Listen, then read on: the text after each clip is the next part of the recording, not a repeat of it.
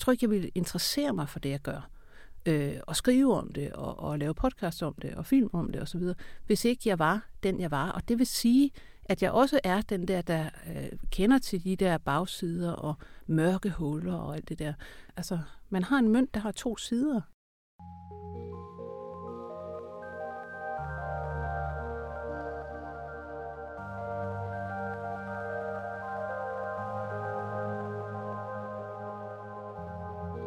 Det her er Lone Frank. Hun er forfatter og journalist ved Weekendavisen. Og så er hun Ph.D. i neurobiologi. Jeg har inviteret Lone, fordi jeg i sidste afsnit talte med Anna Jul, som er forfatter. Vi talte blandt andet om, hvordan det næsten er blevet mere normalt at være unormal. For et års tid siden skrev Lone Frank om et studie, der viser, at det faktisk er 85 procent af os, der på et eller andet tidspunkt gennem livet vil blive ramt af psykisk sygdom. Jeg vil gerne spørge hende, hvad hun tror, det kommer til at betyde for vores syn på normalitet. Jeg vil også gerne tale med hende om hendes egen oplevelse med at afvige fra det, vi forbinder med normalt, og om hvorfor hun ikke vil være sin afvielser for uden.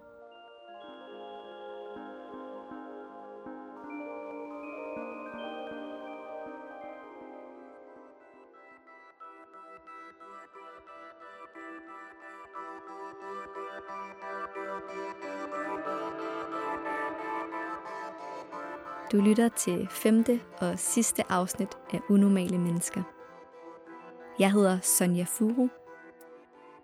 Podcasten er produceret i samarbejde med Strandberg Publishing, og den er støttet af Bevika-fonden i anledning af fondens 150 års jubilæum.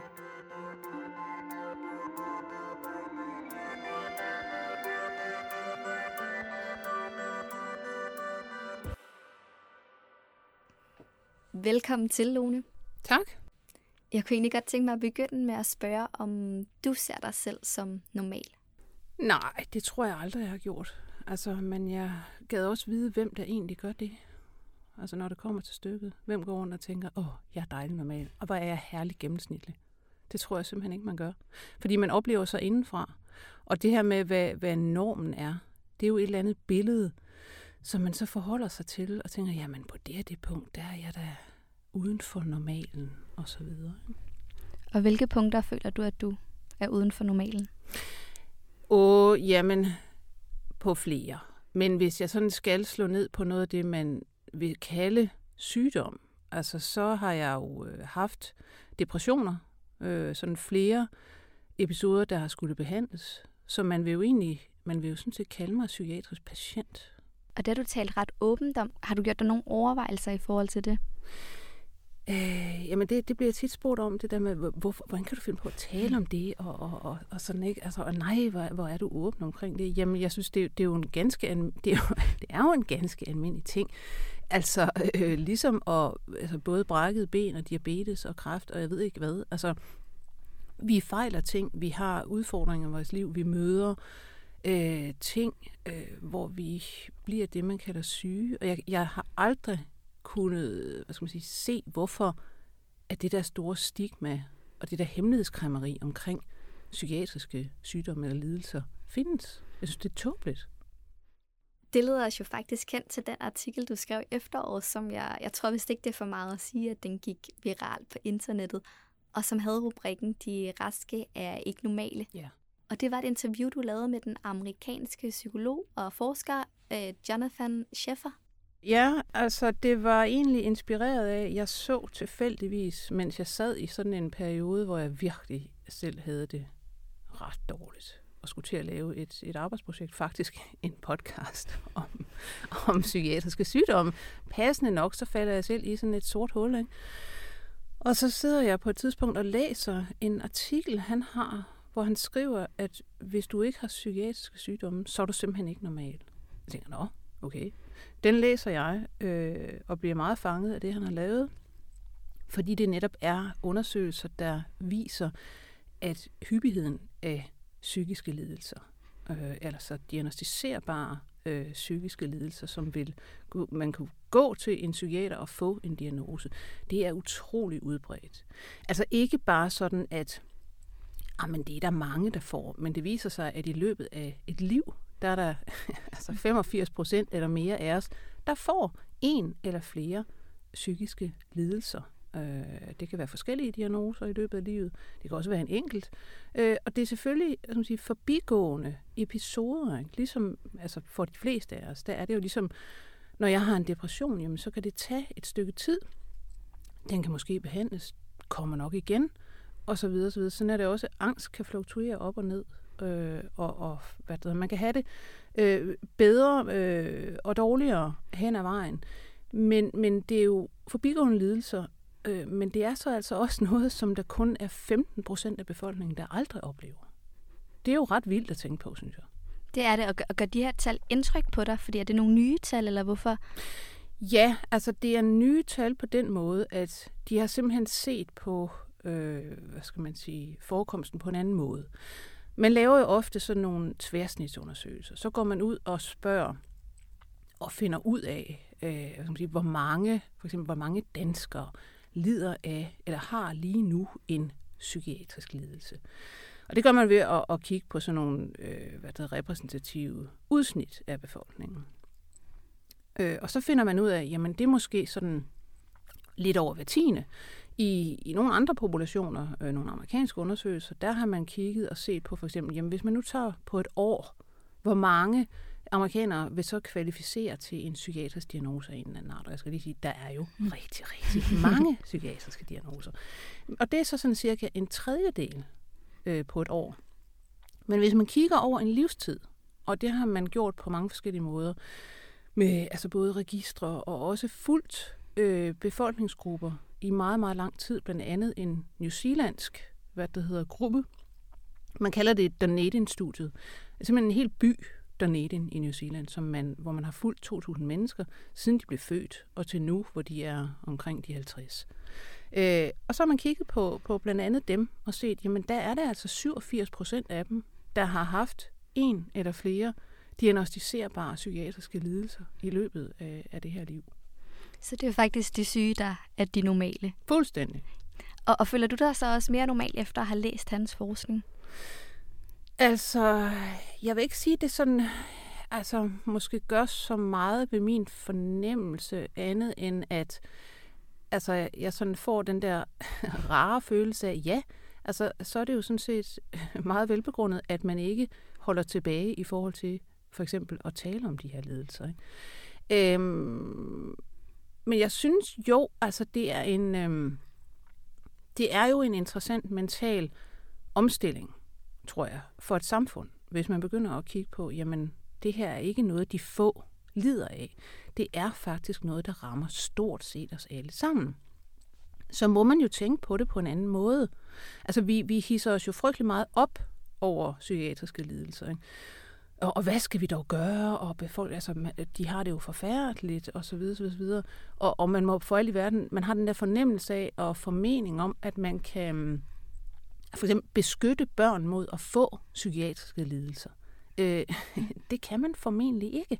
Fordi, ja, hvorfor kan man ikke det? Jamen, altså fordi det simpelthen er altså på mange måder jo reaktioner på, altså på et liv, på det, man går igennem. Det er fuldstændig, altså Schaefer, han siger det på et tidspunkt, han ser det i virkeligheden som, hvad skal man sige, altså det mentale immunsystem. Når du inficeres af en influenza-virus, så går dit immunsystem i gang, og du får det elendigt på grund af, hvordan immunsystemet håndterer virus. Det samme med covid. Vi har set, jamen det er et immunsystem, der laver en hel masse ting, så får du det dårligt. Det går så væk igen. Øh, men det sker jo så, at der, det, det får dig til, at du lægger dig ned og går i seng, og eventuelt søger hjælp osv. osv. Ikke? Man kan sige, med, med psykiatriske lidelser, det er jo også en form for udsving. Altså, hvor du netop Altså, du kan for eksempel blive altså, meget, meget trist, øh, lukke dig ind i dig selv, øh, skrue ned i et stykke tid, og så hvad skal man sige, glider det ud, går det over igen. Ikke? Du kan få nogle angstsymptomer. Så trækker du dig væk fra det, du er angst for, hvad det nu kan være. Ikke? Altså, så det handler ligesom om, at, at du støder ind i et eller andet i dit liv, øh, som får det her, hvad skal man sige, din, øh, hvad skal man sige, din psyke til at reagere. Mm. Og det er jo så et signal om, jamen gør et eller andet ved det her. Og det er altså. sådan, du selv bearbejder det, når du kan mærke, at der er noget på vej. For eksempel en depression. Ja, helt sikkert. Altså, fordi man lærer jo efterhånden. Jeg havde i udgangspunktet, da jeg sådan fik min diagnose første gang, som er godt 30 år, tror jeg der havde jeg sådan en... Øh, altså først, for det første havde jeg en fornemmelse af, efter jeg godt nok havde siddet derhjemme og tudet ned i, du ved, øh, i min pude i, i et halvt år, og min far endelig sagde, nu må du simpelthen gå til læge, det her, det, kan, det, det må være en depression. Jeg troede, det var verden, der var ond, ikke? Altså, og, og du ved, forskellige omstændigheder, der gjorde, at selvfølgelig havde det så dårligt. Så går jeg til læge, hun siger så, efter de der forskellige spørgsmål, de stiller og så videre. Så videre. Jeg tror altså, det her er en, en depression. Lad os prøve med sådan nogle antidepressive midler. Dem tager jeg så modvilligt egentlig. Og så går der seks uger, og så har jeg det helt fantastisk. Helt fantastisk. Jeg har aldrig haft det så godt som i det, det første halve år efter, jeg var blevet behandlet for den her depression. Og der sagde jeg jo til mig selv, nå, jamen det er jo bare sådan en kemisk ting, der er blevet korrigeret. Øh, og så får jeg det pludselig bedre. Og det siger selvfølgelig noget om, at jamen, psyken er jo biokemi, men det er bare heller ikke nok at se den som biokemi på den måde, at man altid kan sige, at det er noget, der sådan kommer indefra. Det er noget, du har. Altså, der er en, en, en biokemisk defekt hos dig. Og det er jo det, vi ligesom også stadigvæk hænger i nu. At det er, sådan, jamen, det er en biokemisk defekt. Det er bare sådan en, en ubalance, du har. Nej, altså du bliver bragt i en eller anden form for ubalance af noget. Og nogle gange kan det jo være jamen, altså livssituationer, ikke? som så kan udløse ting og sager, alt efter hvor, hvor sårbar du nu er for at kunne klare de her udfordringer øh, og forskellige typer stress, og, ud, og, og mm. hvad du nu kommer ud for. Ikke? Skærmer du dig så mod det, der kan udløse? Ja, altså det, det jeg selv gør, det er, at øh, sådan typisk, hvis jeg begynder at få det halvdårligt, så ved jeg, at det er noget med, at jeg arbejder for meget. Simpelthen. Mm. Altså, så har, det er noget med for mange bolde i luften og ting og sager, og så slår det ud som sådan en, en stor livslede og utilfredshed med alting. Og så begynder jeg ligesom at se, okay, hvad kan jeg gøre for ligesom at skrue ned på et eller andet? Mm. Og, og altså, prøve også at tænke anderledes. Og Schaefer, han, øhm, han sammenligner du med en influenza. Ja. Altså, at, kan man, altså, kan man sammenligne psykiske lidelser med, med en forkølelse? Altså, er det ikke mere alvorligt end det? Det kan man selvfølgelig ikke. Øh, det er heller ikke det, han gør sådan direkte med at sige, om det, det, det betyder ingenting. Altså, men, men det her med, at det ofte er forbigående. Det er langt det meste. Altså, det er jo ikke sådan... Du, selvfølgelig kan du have, altså, man sige, du kan lide af, af svær skizofreni, altså fra din ungdom og, og frem efter. Ikke? Og det er bestemt ikke som hverken en forkølelse eller en influenza. Men langt, langt de fleste af os har jo forbigående episoder af forskellige ting. Det kan være, at man har måske nogle altså, depressive udfald nogle gange. Det kan gå over i noget angst. Der, der er jo rigtig mange, skal man sige, der har flere diagnoser i løbet af et liv. Også, øh, og det siger noget om pro- problemet med at ville diagnostisere børn, for eksempel. Ikke? At man starter med, at så udreder man de her børn, og man finder efter et stykke tid, åh, kan vi ikke slå os ned på, at det er, du ved, der er noget måske på det autistiske spektrum, måske med noget OCD eller et eller andet, ikke? eller der, der, der er nogle angstreaktioner. Øh, og så går der nogle år, så får de en anden diagnose, ikke? Og, og så videre, så videre. Mm. fordi at det er ikke sådan, at de her sygdomme faktisk falder i nydelige kasser, som man kan skille fra hinanden. Det er en illusion, man har haft i psykiatrien, og den er ved at blive opløst. Så det, jeg hører, du siger, det er, at man faktisk er lidt for hurtig til at give børn diagnoser? Det tror jeg ikke, at der er tvivl om. Altså rigtig mange øh, hvad det hedder, i børne- og, ungdom, børne- og ungdomspsykiatrien er jo ved at tale om, at det er simpelthen for, hvad skal man sige, altså, det duer i virkeligheden ikke rigtigt vel. Altså det mm. der med, at de skifter jo diagnoser, og det siger ikke rigtig noget om, hvad man skal gøre. Altså, øh, og jeg har blandt andet på et tidspunkt talt med en øh, børne- og ungepsykiater, der hedder Pia Jeppesen, som netop kigger på det på den her måde og kigger på forskningen og siger, jamen det handler ikke om at prøve at putte dem i nogle illusoriske kasser. Det handler om, de har problemer, de her børn. Altså, man skal selvfølgelig anerkende, at de har problemer, men det drejer sig ikke om at sætte et mærkat på mm. og hvad så, angst når man, eller ja. eller andet. Man skal i stedet være hurtig, altså ret tid omhu, sige, okay, I får så et tilbud, der hedder et Øh, de har faktisk øh, lavet øh, en øh, decideret medicinsk afprøvning af et forløb, altså noget kognitiv adfærdsterapi, på 13 sessioner. Og det ser ud til at virke ret godt på en bred gruppe af børn og unge med forskellige symptomer, uden at de har en diagnose. Det er fuldstændig ligegyldigt med en diagnose. Mm. Det, det handler om, er mm. at behandle hvad skal man sige, de her symptomer. I din artikel, hvor du interviewer ham her, forskeren Jonathan Schaefer, yeah. der har han jo ret store ord om sin egen forskning. Han mener, at den er banebrydende, og man bør ændre samfundet. Hvad er det for nogle ændringer, han mener, der skal til?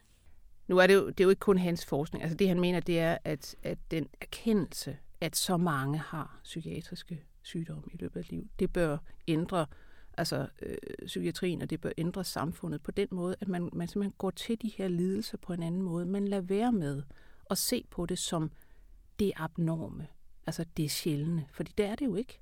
Det er fuldstændig normalt. Og det er en form for, kan man sige, psykologisk omkalfatring af den måde, vi alle sammen ser på det her på. Ikke? Og, og jeg tror da, han har ret i, at det vil, altså hvis man indoptager det her, så vil det føre til nogle altså, fuldstændig anderledes måder at, at gå til øh, os selv på enkelt, som enkeltpersoner på, og også øh, gå til hvad det hedder, øh, mentale og psykiatriske sygdomme på samfundsplan. Hvordan kunne man gå anderledes til det, end man gør i dag? Jamen, øh, jeg tror for eksempel, at, at ved, om man så må sige på en eller anden måde, jeg tror, noget, et, et overordnet begreb, det er, at vi skal slappe lidt af. Vi skal simpelthen samfundsmæssigt slappe en lille smule af over for, altså, øh, for det her fænomen. Altså, startende med, at jamen, øh, pædagoger og skolelærer og så videre ikke skal gå helt i bro over, at nu er der altså en, der ser ud til at sidde og have nogle angstsymptomer, eller et eller andet øh, hyperaktivt, eller så videre, så videre. Øh, ja, det kan I sagtens forvente, at rigtig mange af, af jeres unge har, og sådan er det. Og så kan man begynde at sige, at dem, der har det sværest, de kan så hurtigt få adgang til for eksempel sådan nogle behandlingsforløb, som man ved efter undersøgelser, på en eller anden måde virker på det her. For det drejer sig om, at de her unger skal, i stedet for at få et stemt med, du er den syge her i klassen, ikke? du er bærer på et eller andet, der hedder ADHD, eller OCD, eller hvad det nu kan være, og det skal du bære på resten af dit liv. Ikke? Men at så sige, jamen okay, du kan åbenbart ikke, der er et eller andet her, der går galt. Du har nogle problemer med den virkelighed, du er i. Okay, øh, nu får du simpelthen et forløb, men der giver dig nogle redskaber til at takle det her så godt som muligt. Men også, altså samtidig skal vi jo selvfølgelig ledsage det her af en, en erkendelse af, at vi er ikke, hvad skal man sige, og vi bliver aldrig ens med hensyn til, hvor godt vi kan klare det her liv, vi har stillet på benene, og den her samfundsordning og måde at være på. Det, det kommer vi aldrig til at være. Vi kommer aldrig til, og det er jo det, der i virkeligheden sker i de her år, ikke? Altså, at man presser øh, hvad skal man sige, netop normaliteten, altså det, man regner for, sådan som det helst skal være. Ikke? Det bliver jo en mindre og mindre gruppe, der egentlig udfylder den der lille kasse, der hedder mm. dem, der sidder helt pænt stille og gør, hvad der bliver sagt, men alligevel ikke for meget, så de er også kritiske osv. osv. Altså, der er jo meget, meget lidt plads til, hvad skal man sige, altså, der er meget lidt plads inde på det der område, hvor øh, man egentlig regner det for normalt. Det er jo bare det, der er ønskeligt. Mm. Ikke? Altså sådan, ja, man helst vil have, børn skal være i dag. Kan man sige noget om, om den lille gruppe af mennesker, der ikke får en psykisk diagnose eller en psykisk ledelse? Ja, de er jo pludselig, de her 15 procent er jo pludselig blevet sådan et interessant forskningsobjekt, som man øh, er gået i gang med at prøve at kigge på, hvad, hvad er det, der gør det her? Ikke? Og de forskere, der har set på det, havde sådan en fornemmelse af, at øh, jo, jamen, det må jo være noget med, at de formentlig bare, altså for eksempel, er født et godt sted. Må ikke de har en socioøkonomisk god baggrund? Altså, du ved, øh, velhavende, veluddannede forældre, alt det her. Nej, det var der så ikke nogen sammenhæng til. Øh, heller ikke, hvad skal man sige, fysisk sygdom. Altså, man har jo ofte, man siger, at fysisk sygdom er sådan en risikofaktor for også at få det psykisk dårligt. Men det var uafhængigt af, hvad skal man sige, fysiske udfordringer og sygdomme. Det var heller ikke koblet til øh, særlig høj intelligens, for eksempel, noget man også havde tænkt, det kunne være det. Øh, det, der sådan ligesom slog ud i de her undersøgelser, det var faktisk på en eller anden måde arv, altså genetisk arv. Mm. Fordi øh, de her 15 procent, der ikke får nogen problemer, de ser ud til i meget høj grad øh, at komme fra familier der heller ikke selv, hvor deres forældre heller ikke selv har haft nogle problemer. Så der er formentlig sådan nogle, jeg ved ikke, nogle supergener, der, der går i arv. Ikke? Øhm, og det, det så også øh, er, er ligesom bundet til, ser det ud til, er nogle øh, hvad personlighedstræk. Hvis man for eksempel scorer lavt på det, der hedder neuroticisme, og det er jo et, et træk, der ligesom går på, i hvor høj grad lægger man mærke til det negative. Så hvis man scorer lavt på det, øh, og hvis man også scorer højt på, på det, der hedder venlighed, som ligesom giver sig selv mm. sådan imødekommenhed og, og den slags, og hvis man har en høj grad af selvkontrol. Altså, så det er noget med, øh, hvis man fra naturens hånd, ligesom, fordi altså, personligheden er jo i, i ret høj grad faktisk sådan ligesom givet. Så venlige mennesker er mindre Jamen ikke kun venlige, men, men altså hvis du, hvis du har det der med, at du i din familiebaggrund ikke har ret meget, ikke har psykiatriske sygdomme øh, i, i særlig høj grad, hvis du så også er meget lidt neurotisk, kan man sige, sådan populært sagt, og, og score højt på det her venlighed, som jo er nogle facetter af nogle ting, så det er ikke bare, du ved, at det er flinke mennesker, der smiler. Bare man smiler til altså, i supermarkedet. Nej, øhm, og, og hvis du så også har en høj grad af selvkontrol, så er, er det jo, du, øh, hvad skal man sige, i, i risiko for at falde i de der 15 procent.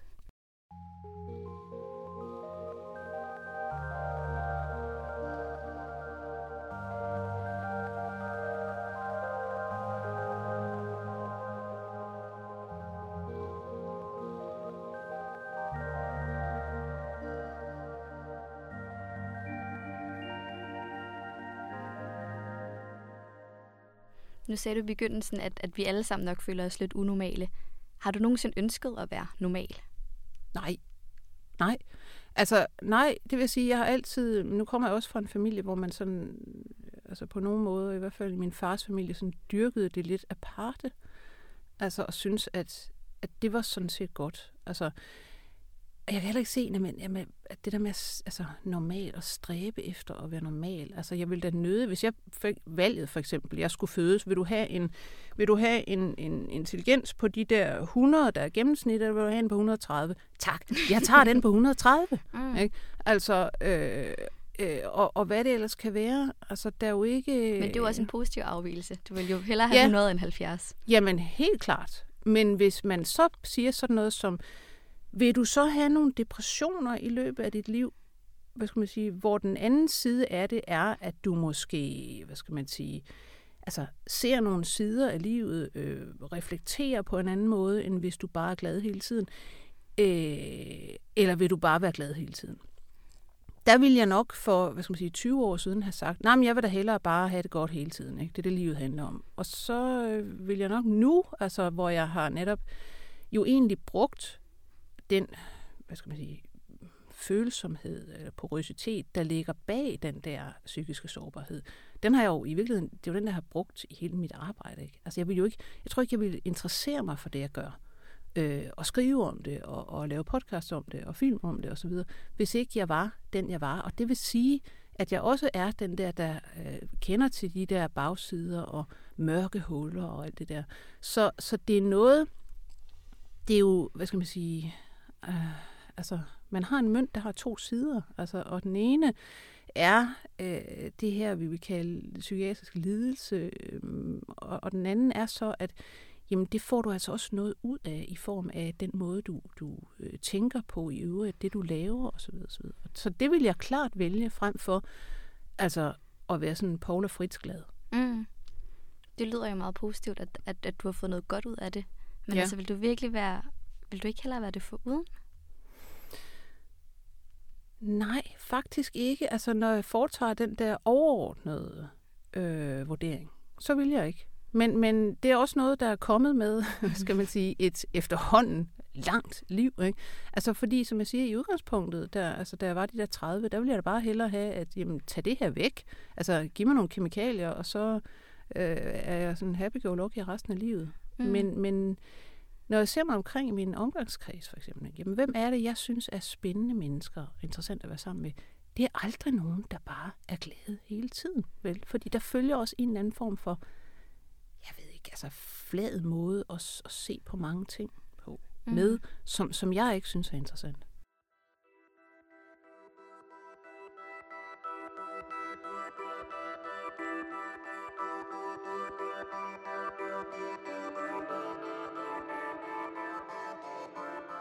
Det var femte og sidste afsnit af podcasten Unormale Mennesker. Den var produceret og tilrettelagt af Cecilie Blomqvist. Mit navn er Sonja Fuge.